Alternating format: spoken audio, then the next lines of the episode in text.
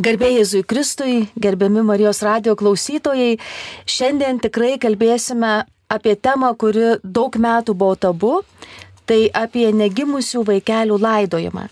Ir labai džiaugiuosi, kad šiandien su mumis šią temą galės dalintis Kauno klinikų dvasinė asistentė, teologijos licenzijatė Svetlana Adler Mikulėninė.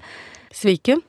Ir taip pat Kauno arkiviskupijo šeimos centro konsultantė Aušrelė Bačienė. Garbėsiu Kristui. Tikrai labai ačiū, kad atvykote ir mes galėsime tikrai truputėlį praskleisti šitą tabų temą. Ir ypatingai gal pradėti šitą pokalbį norėčiau nuo 2018 metų gegužės pirmos dienos Lietuvoje įsigaliojusio Lietuvos Respublikos žmonių palaikų laidojimo įstatymo pakeitimo. Ir gal aš čia norėčiau pirmiausia pakalbinti dvasinę asistentę. Ką reiškia šitas įstatymas mums Lietuvos piliečiams? Ir kokią žinią jisai neša? Pirmiausiai tai, kad e, žmogumi pripažįstamas embrionas nuo pat prasidėjimo. Tai reiškia, kad jau valstybė, jeigu jinai sako, kad tai yra žmogaus palaikai, tai tuo jinai sako, kad tai yra žmogus ir jisai turi teisę būti palaidotas. Tai kaip mes ten vertinam, kol jisai dar gyvas ir, ir, ir svarstom, ar jisai žmogus ar ne žmogus, tai čia kiekvieno asmeninis reikalas. Tačiau valstybės nuostata, kad e, žmogų, kuris myręs, reikia palaidoti. Tai vad, jeigu embrionas yra myręs, tai ir skaitosi, kad myręs žmogus. O kaip buvo prieš tai? Ar, ta prasme, kaip buvo prieš tai laidojami embrionai? Iki 18 metų gegužės pirmos dienos embrionas iki 22 savaitės buvo prilyginamas medicininiam atliekom ir kai kurie e, gydytojai sakė, kad koks čia gali būti pasikeitimas, nu koks skirtumas, ar tiesiog sudeginamas, ar, ar kremuojamas. Tai vad čia yra, anksčiau buvo deginamas kartu su medicininiam atliekom ir kaip visos medicininės atliekos laidojami kapinėse. Irgi medicinės atliekos šitaip tvarkomos. Taip, ir tuo pačiu čia didelis pasikeitimas yra tai, kad pagarba visų pirma, nu, kviečiame gerbti, ar ne, tą mažą žmogutį, nes kai kuriuose kultūrose žmogaus net metai skaičiuojami nuo pradėjimo, net ne tada, kai jisai ar ne yra gimęs. Tai vadinasi, net tada, kai jis numiršta mamos iššiose, ar ne, kai vyksta mirtis, mes turime kviesti, va ir tais įstatymais, naujais įstatymais, ar ne, kviečiama gerbti ir tuo pačiu kviečiama priimti tą faktą mirties, nes mes kaip palaidojam, kai vyksta vat, pati ta procedūra, mes duodam žinę, kad galime gedėti. Ir tėvai visą laiką, vat, irgi kaip patirtis kalba, dalyjasi, bet būtent tada, kai palaido, jie turi atspirties tašką liūdėsiui. Nes kol yra ta žinia, kad nežinia, kur tas vaikelis, labai dėlė kaltė yra. Nu, kaltė aplamai yra liūdėsio tokia apvilkta, jinai tokia apgaulinga yra. Ir daug nežinios, neiškumo ir netgi komplikavimosi gedėjimo procese. Tai tai yra tikrai labai didelis žingsnis Lietuvoje. Mhm. O dabar, kaip Jums atrodo, ar mes esame pirmaujantys šiuo klausimu, jeigu imtume Europos kontekste, kas liečia, pavyzdžiui, va tokį įstatymą? Įstatymo prieimimą galėtume sakyti. Na, broliai artimiausi mūsų Latvijai, tai mūsų aplinkė dešimt mm. metų, nes toks bendras kapas visai Latvijai yra prie Stradinės universitetinės ligoninės Šventojo Alberto bažnyčios šventoriuje Angelų sodas vadinasi. Ir 12 metais e, aš tenais lankiausi stažuoti ir vat, e, iš tikrųjų buvau ir mačiau ir galbūt šitą idėją ir parsivežiau iš tenai mhm. ir jau plėtojam ją irgi kaip, kaip, Lietuvoje galbūt reikėtų e, tokio kaip sakant, kapo ir, ir tenais konsultavaus ir šnekėjausi su kapelionė ir vat, jinai man irgi sakė, kuo jisai svarbus. Jis sakė, kad tai yra vienas didžiausių jų klinikinės pastoracijos laimėjimų galbūt bendradarbiaujant su valstybe. Šitas kapas, kad iš visų Latvijos ligoninių surenkami ir kremuojami. Tai vad suvežami į vieną vietą, kaip jinai man aiškino, Ir tada viena urna ir jie kartą į metus tenais laidoja, yra tokia šventė ir e, kiekvienais metais vis papildoma. Ir irgi buvo akcentas į tai, kad Tai labai padeda ne tik vat, persileidimo atveju, kada paliekami, bet ir aborto atveju, nes tikrai situacijos būna įvairios ir galbūt moteris padariusio abortą tuo momentu ir vienaip išgyvena, bet praeina ten kažkiek metų ir, ir, ir būna kitaip ir jai reikia irgi praeiti tą gedėjimo mhm. procesą ir tada labai svarbu, kad kažkas pasirūpino, kažkas palaidojo ir tas e, gedėjimo procesas būna sklandesnis. Aišku, kitose šalise ir Italijoje Internete galim matyti ir popiežius e, lankė tokius kapus. Ir Amerikoje tokių kapų yra. Aišku, kiekviena valstybė tvarkosi savaip, bet tikrai rasim ne vieną pavyzdį, kad ir aišku, krikščioniškos bendruomenės tai labai palaiko. Tai būna kapinėse, būna bažnyčių šventoriuose, tai skirtingai tvarkosi. Gal auša papildysi dėl to mhm. gedėjimo, kaip tai svarbu. Mm. Taip, ypač net kalbant ir apie aborto situacijas, ar ne, nes įprastai moteris abortą pasirenka savo tiksliau sprendimu nutraukti neštumą iš didelės abivalencijos. Tuo mhm. metu labai vyksta dideli sviravimai ir svarstymai, ką daryti. Ir, ir tada net, kai jinai priema tą sprendimą nutraukti neštumą iš savo nu, vat, sprendimo, pasirinkimo, visada vyksta, dažniausiai vyksta trauma trauma, nes tai yra iš žmogaus valios, ar ne iš žmogaus vat, ketinimo. Ir tuo pačiu, vat, nu, tarsi vat, du tokie stiprus dalykai - iš jo sprendimo, ar nepriemas pasirinkimas, ir kita pusė, kad labai daug abivalencijos išgyvena. Kas vyktų vat, su ją, ką, ką jinai patiria tuo metu. Ir tai, vat, kad yra kapas, leistų vat, liūdėti. Nes jeigu mes neišgėdim, tai galima nu, atpažinti netgi pagal tam tikrus simptomus, kad moteris nenori sugrįžti prie tos mm. istorijos, ar ne?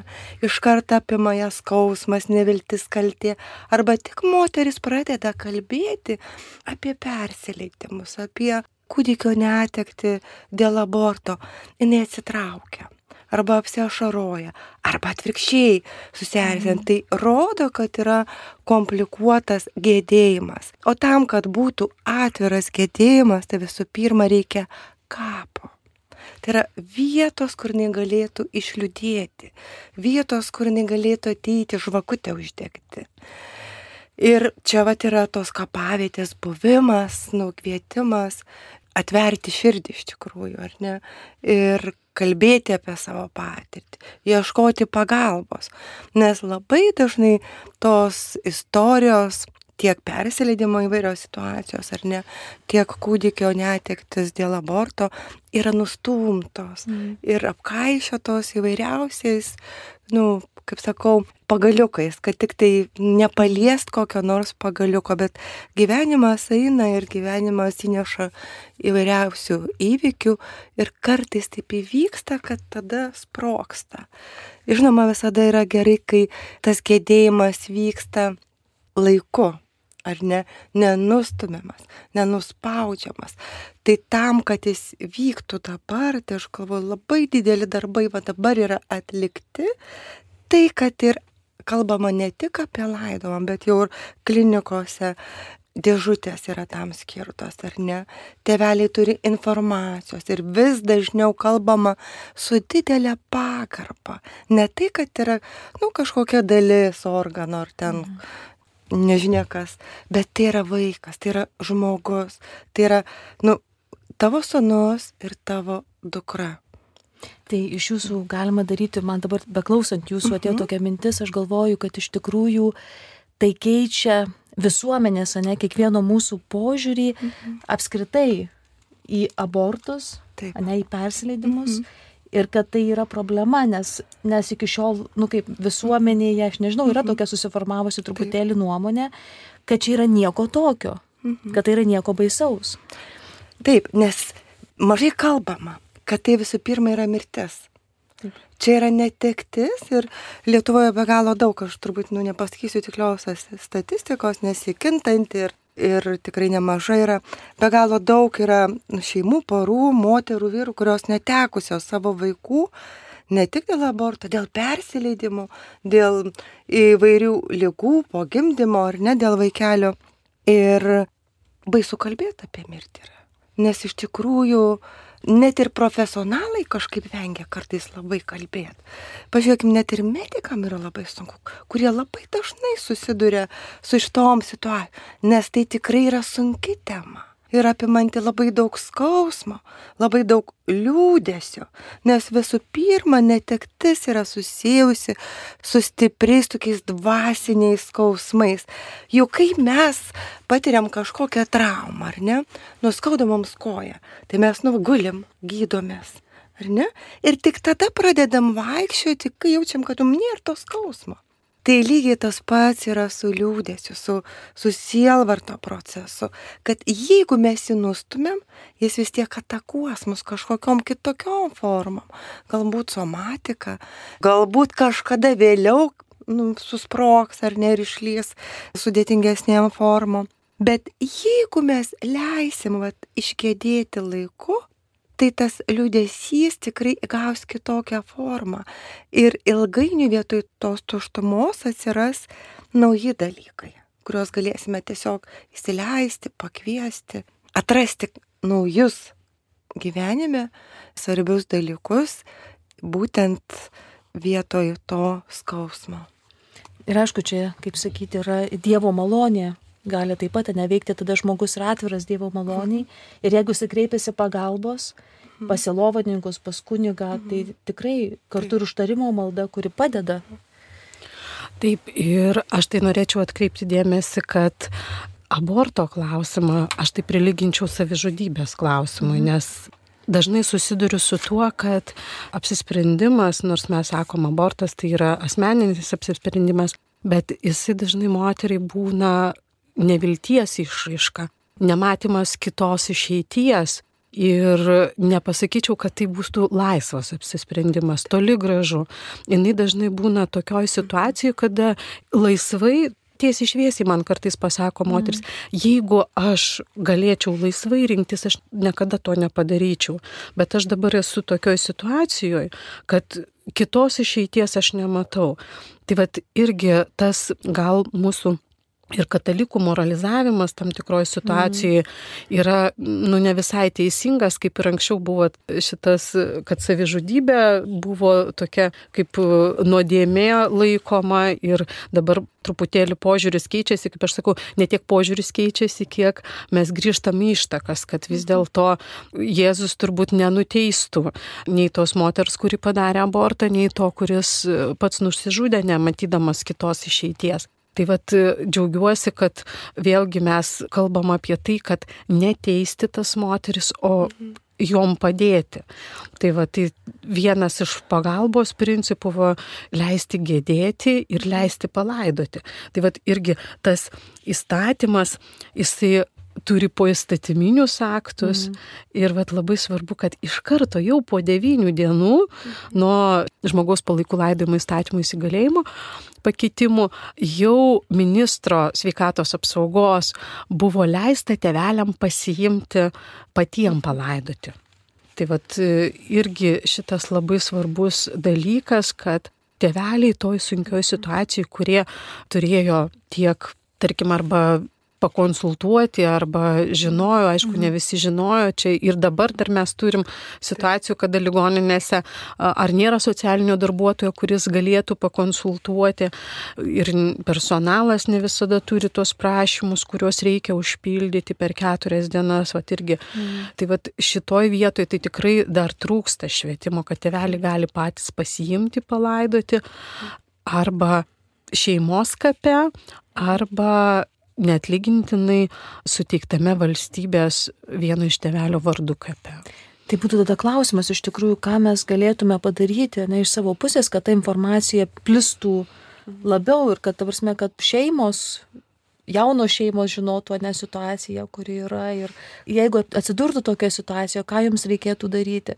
Tai čia dažnai toks laisvas pamastymas, ką mes galėtume daugiau šito klausimu padaryti. Turim įstatymą, turim postatyminius visokius įsakymus, turim jau tą teisinę bazę, bet neturime tos informacijos, kurio nes plistų, sklistų ir net pačiose ligoninėse, ir aš esu girdėjusi ne situacijų, kad net nenori atiduoti Nu, pirminis dalykas, jo, pirminis dalykas tai būtų šviesti ir medicininį personalą ir manau, kad nu, galėtume kažkaip vat, su šeimos centrais bendradarbiauti ir galbūt parapijose galėtų ta informacija daugiau atsirasti. Tai aišku, čia mūsų darbas, kiek įmanoma plačiau paskleisti šitą informaciją.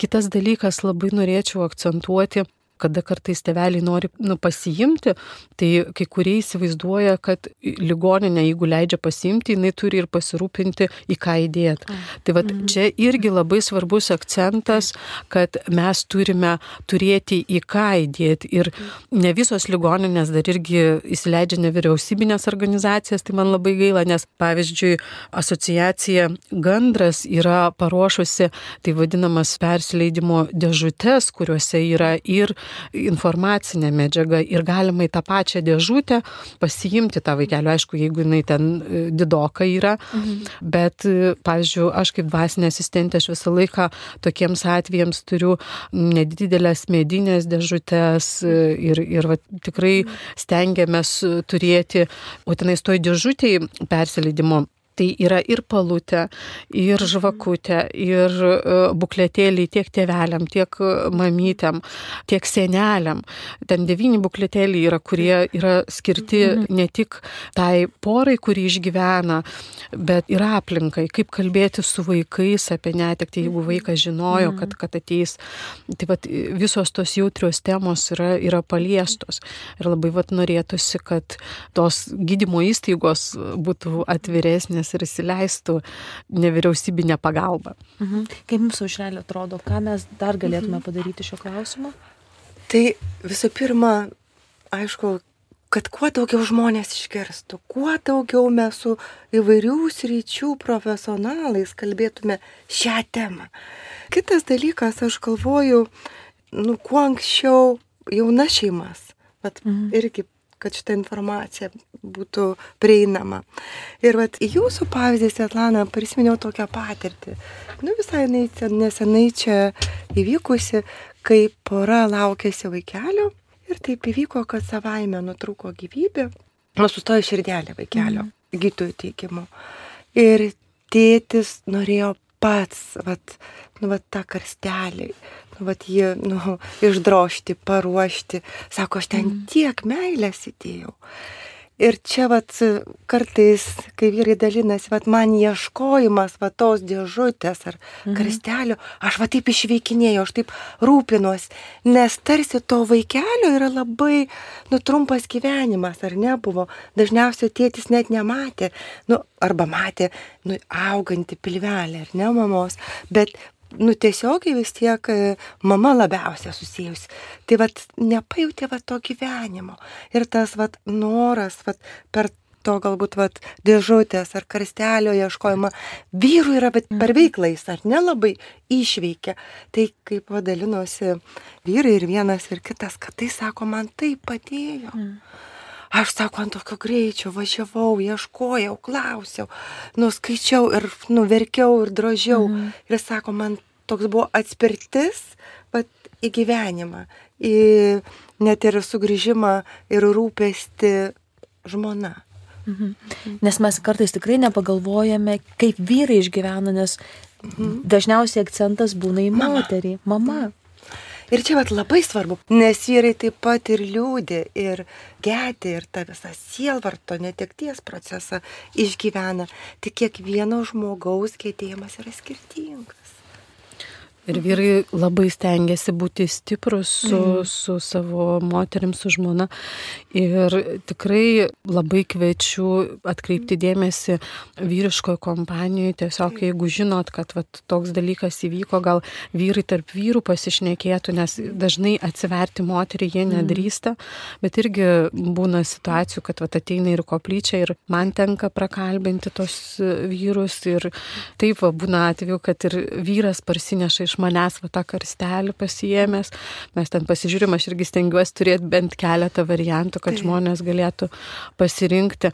Mamos irgi kartais va įprasmina, ar numesga ten pačios, ar pasiūna ten tuos įkapėlius ir, ir, ir ką įkloti tenais. Mhm. Tai iš tikrųjų tas bendradarbiavimas poros. Mm. Ir dar aš norėčiau atkreipti dėmesį į dabar dažnai vykstantį procesą, kada tenka žmonėms apsispręsti dėl persileidimo, dėl medicininių priežasčių. Tai mm. tarkim, kada atvyksta pora ir jau mato, kad apsigimimas nesuderinamas su gyvybė.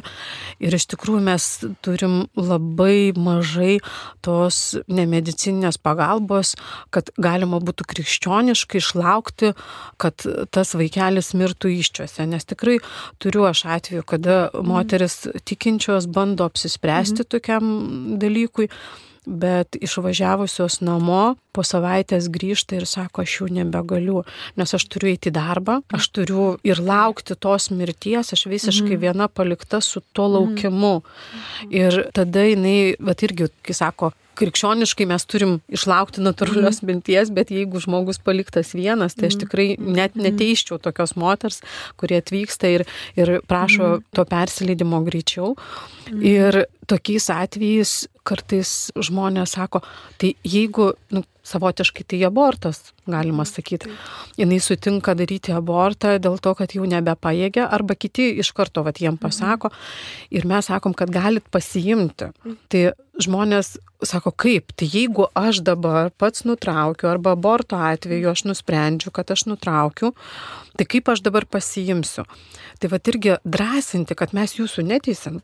Jeigu jūs ir padarot abortą, jūs galit palaidoti savo kape, jeigu jūs tik tais turit mhm. drąsos tam.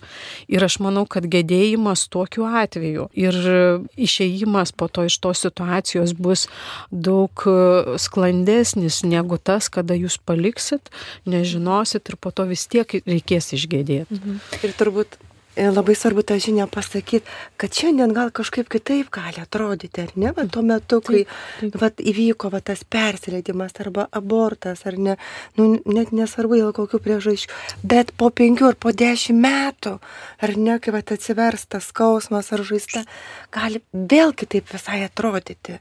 Ir, nu, kaip pasakyti, atvirkščiai atsivert mhm. moteris gali ir išgėdėti be kažkokių gilių komplikacijų, be kažkokios, nu, hiperkaltės ir nuvertinimo, numenkinimo ar sunkios depresijos, nes būna ir tokių situacijų, kad moteris tiek save nukaltina, nuvertina, kad be medicininių indikacijų, be vaistų naudojimo nuo depresijos ar nuo nerimo, panikos atakų negali išjudėti.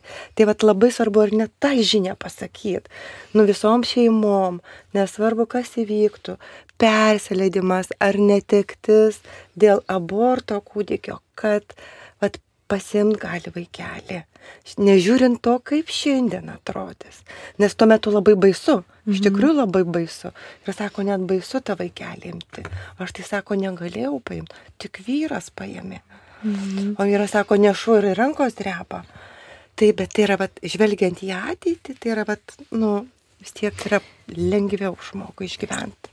Tai aš galvoju, kaip jūs ir sakote, užrelė, mhm. taip, jeigu tai pavyksta, Jeigu tuo metu nepavyksta, bet jeigu, pavyzdžiui, nepavyksta, tai tikrai aš manau, kad tai yra malonė tas dabar laidojimas negimusių vaikelių, kada po 10 metų, po 20 metų, po 30, aš esu asmeniškai susidūrus po 50 metų moteris, ne tik moteris, bet ir vyrai kartais mhm. būna, tikrai išgyvena ir sako, kaip man dabar išgėdėti ką man dabar reikėtų daryti.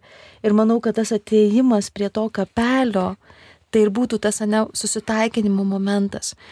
Kitas dalykas, ką aš norėčiau gal tikrai tada, jūs gal man pritarsite, pakviesti, kad kada yra sunkus apsisprendimo momentai visai šeimai, ne tik vyrui, tiek moteriai, ne tik mamai, tiek tėčiui, jeigu nėra dvasinės asistentės ligoninėje, kurioje jie tuo metu būtų ir išgyventų tą skausmą, tai tikrai kažkaip kreiptis ar į ūkdymo ir konsultavimo centrą, ar būsimų ir esamų mamyčių ir tevelio asociacija Gandras, ar Kauno arkiviskupijos šeimos centrą, tiesiog ieškoti pačios aušrelės, kuris su mumis šiandien kalbasi. Asociacija padedu aukti, ar net krizinio neštumo centrą, tikrai nu nepasilikti tame skausme vieniems ir ieškoti pagalbos, nes manau, kad ta pagalba yra svarbi tolimesniam gyvenimui iš tikrųjų kiekvieno. Taip santykiams su kitais žmonėmis. Nes labai nu, dažnai tas komplikuotas gėdimas, užspaustas liūdėsys įneša vat, sunkumų santykiuose su kitais žmonėmis. Galbūt net su vaikais, su vyru, su kolegiam. Nes kartais moteris sako, aš nekenčiu moterų. Vat kažkoks, -hmm. vat mhm. nesuprantu dėl ko. Net negaliu paaiškinti. Bet dažniausiai va čia glūdė, vat neiškėtėtas. Va tas sielvartas, ar ne ta netektis užspausta. Tai dabar būtų klausimas, gal iš tikrųjų Svetlana geriausiai galėtų mums mhm. papasakoti, tikrai, kur, kur galima bus rasti šitą bendrą kapelį, kur tikrai galima bus išgėdėti, pabūti, pasimelsti. Kauno miesto ligoninėse paliktų vaikelių nuo 20 praktiškai metų kapelis bus Šiluvoje, Šiluvos kapinėse naujesniai dalynė, ne paveldos sauginiai, prie didžiulės liepos. Po liepą mes taip vadinam, ten ribojasi jau prie tvoros, ten yra tokia liepa ir žiniasklaidoje bandysim e, šitą parodyti, kurioje ten aiškiau vietoj. Ir Lapkričio 13 planuojamas pirmas laidojimas šitam bendram kape. Dėkojame Raseinių rajono savivaldybei, kurie skyrė mums tą vietą Kauno arkiviskupijai ir tai bus nuolatos papildomas kapelis. Dar irgi akcentas, kad mhm. dabar bus palaidotos pirmos urnos, kurios buvo saugomos Kauno klinikų ir LSMU Kauno ligoninės koplyčiuose. Ir jos bus atvežtos, bus 12 val. šventosios mišios aukojamos ir po mišių keliausim palaidoti. Bus pastatytas laikinas kryžius, o vėliau bus ir paminklas, ir su simbolika, ir vietomis atsisėsti, pabūti, kur žvakutę padėti. Tai vat, tikrai Lietuvoje tai yra pirmas kapas bendras ir papildomas. Taip, mane dabar kartais e, bando pataisyti, sako, ne pirmas palaidojimas. Taip, palaidotų vaikelių persileidimo ar aborto Lietuvoje yra kapu. Tarkim, ir Ukmergės kapinėse prieš uždarant gynekologijos skyrių, ten buvo 20 e, metais surinkti tie vaikeliai, nes įsakymas ligoninėms rinkti atskirai, atskirti nuo medicininių atliekų, kremuoti ir laidoti buvo pasirašytas 19 e, metų birželio 11 dieną, tai vad 20 metais jau kas e, vykdė ir užsidarinėjo ukmergės skirius, tai jie tikrai labai humaniškai padarė ir palaidojo. Taip pat Vilniui yra laidojama periodiškai karveliškių kampinėse, tačiau tenais kiekvieną kartą ta atskira urna atskiram kape laidojama. Tai sudėtinga būtų, ten užrašyta, kad yra mhm. žmogaus embrionai, tačiau tarp kitų kapų, kurie palaidojami Vilniaus valdybės lėšomis. Tai nėra tokio bendros vietos, reikėtų ieškoti. Ir aš nežinau, ar šita yra datos nurodytos. Pavyzdžiui, mhm. mes dabar va, turim tą datą, kad nuo kelintų metų, kad nuo 20 metų aš kada gavau urnelę pirmąją, tai ten 19 metais, nuo rugsėjo mėnesio maždaug pradėta Kauno klinikose jau atskirti rinkti. Mhm. Tai ir jau nuo to laiko palikti vaikeliai, jie tenais bus palaidoti. Ir teveliai turės aiškę vietą. Taip pat svajonę, kad turbūt visuose, gal nežinau, ar reikia visuose viskupijose, bet bent jau Vilniaus mhm. kraštui, telšių, vat, Vilnius, Kaunas, Klaipėda, kaip pas mus autostrada yra. tai gal vat, būtų, kad Vilniaus mhm. regione, va čia Šiluva aplink Kauną ir galbūt telšių viskupijoje reikėtų tokio kapo, gal ir daugiau. Tai mes tikėkime, kad, kaip sakyt, vos nepasakiau mohikanai, bet iš tikrųjų tie pirmieji, ne tie pirmieji, kurie gal truputėlį, kaip sakyt, iš to, kaip atrodys dabar mūsų, kaip sakyt, šitas projektas, galėtume sakyti, ir kaip mums pasiseks, tai tos patirties galės tada pasiimti iš tikrųjų ir kitos viskupijos arba net Vilniaus arkiviskupija. Tai čia irgi, žinot, kaip sakyt, reakcijos visuomenės, man atrodo, irgi bus labai svarbios, o ne kaip kaip mums pasiseks iš tikrųjų ir patį paminklą pastatyti, ne? Ir, o kaip su paminklu? Lėšos tikriausiai bus renkamos paminklui. Taip, po palaidojimo tikiuosi, kad bus pristatymas, dabar bendradarbiaujam, buvo pasiūlyta keletą projektų, tačiau apsistojom ties vienu ir su padedu aukti asociacija, bendradarbiaujant pristatysim visuomeniai tą projektą ir rinksim lėšas jo įgyvendinimui. Taip, tai aš tikiuosi, kad ir Marijos radijos klausytojai išgirs šitą projektą. Taip, tai jau kada turėsim ir vizualizaciją, ir, ir konkrečius kaštus, tada tikrai pakviesim ir skulptorių, ir, ir padedu aukti asociaciją, ir tada, aš manau, kalbėsim apie tai atskiroj laidoj. Tai tikrai mūsų jau laida eina į pabaigą. Tai tikrai norėčiau, tiesą sakant, paprašyti tiek Svetlanos, tiek Aušrelės, tiesiog ką dar norėtumėte pasidalinti, pasakyti mūsų klausytojams Marijos radijo.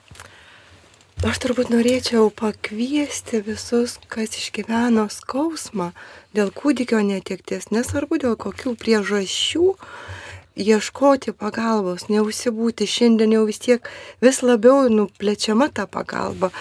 Ir taip pat kviečiu nebijoti ta pagalba nebūtinai gali būti kažkokia grupės forma, ar ne. E, svarbu, kad atrastumėte tai, kas jums tinka, nes mes visi esame labai skirtingi.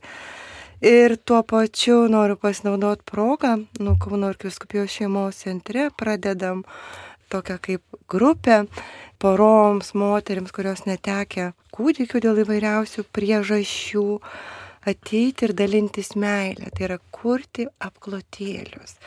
Ir mes gan, kuriant apklotėlius, mes turėsim galimybę įdėti tą savo meilę, kurios, nu, negalėjom suteikti savo vaikeliam, bet galės patirti būtent per tą apklotėlį kiti mažutėliai vaikai, kurie yra nekime.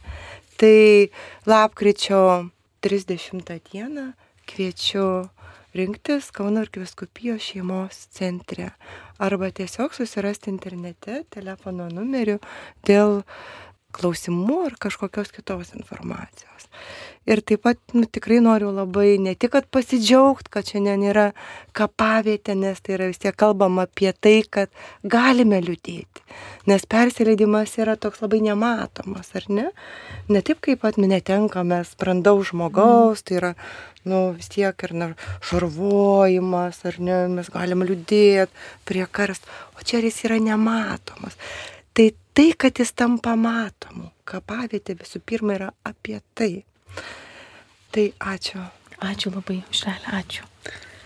Na, aš turiu tik tai turbūt keletą tokių minčių, gal, kad neteiskime ir nebūsime teisiami, ypač abortų atveju. Ir blogį nugalėkim gerumu, kaip sakė mūsų palaimintasis.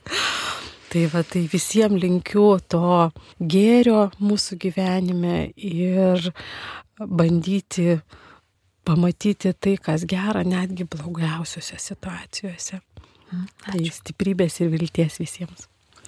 Ačiū. Taigi, brangus Marijos radijos klausytojai, tikrai galime padėkoti brangiai mūsų Svetlanai, dvasiniai asistentiai, kuri tikrai pasidalino apie negimusių vaikelių laidojimą ir jo kapavietę, tiesiog mums pažadėjo, kad kitą kartą papasakos apie patį projektą.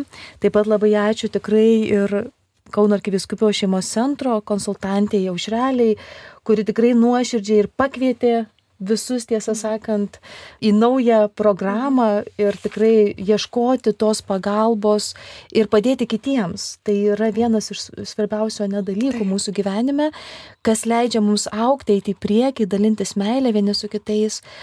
O iš savo perspektyvos tikrai gal pakvieščiau kiekvieną melstis už kiekvieną tą šeimą, kurie išgyvena persleidimą, kurie išgyvena netekti po abortų ir taip pat lapkričio 13 dieną palydėti maldoje tuos vaikelius, kurie urnose bus laidojami ir tikrai, kad mes būtume tie vilties nešėjai pasauliui ir skleistume tą gyvybės kultūrą. Tai tikrai labai ačiū visiems, Tikrai linkiu palaimintos dienos ir laidą vedžiau aš, sesuo Gabrielė, kuri taip pat pasilieka su jumis maldoje.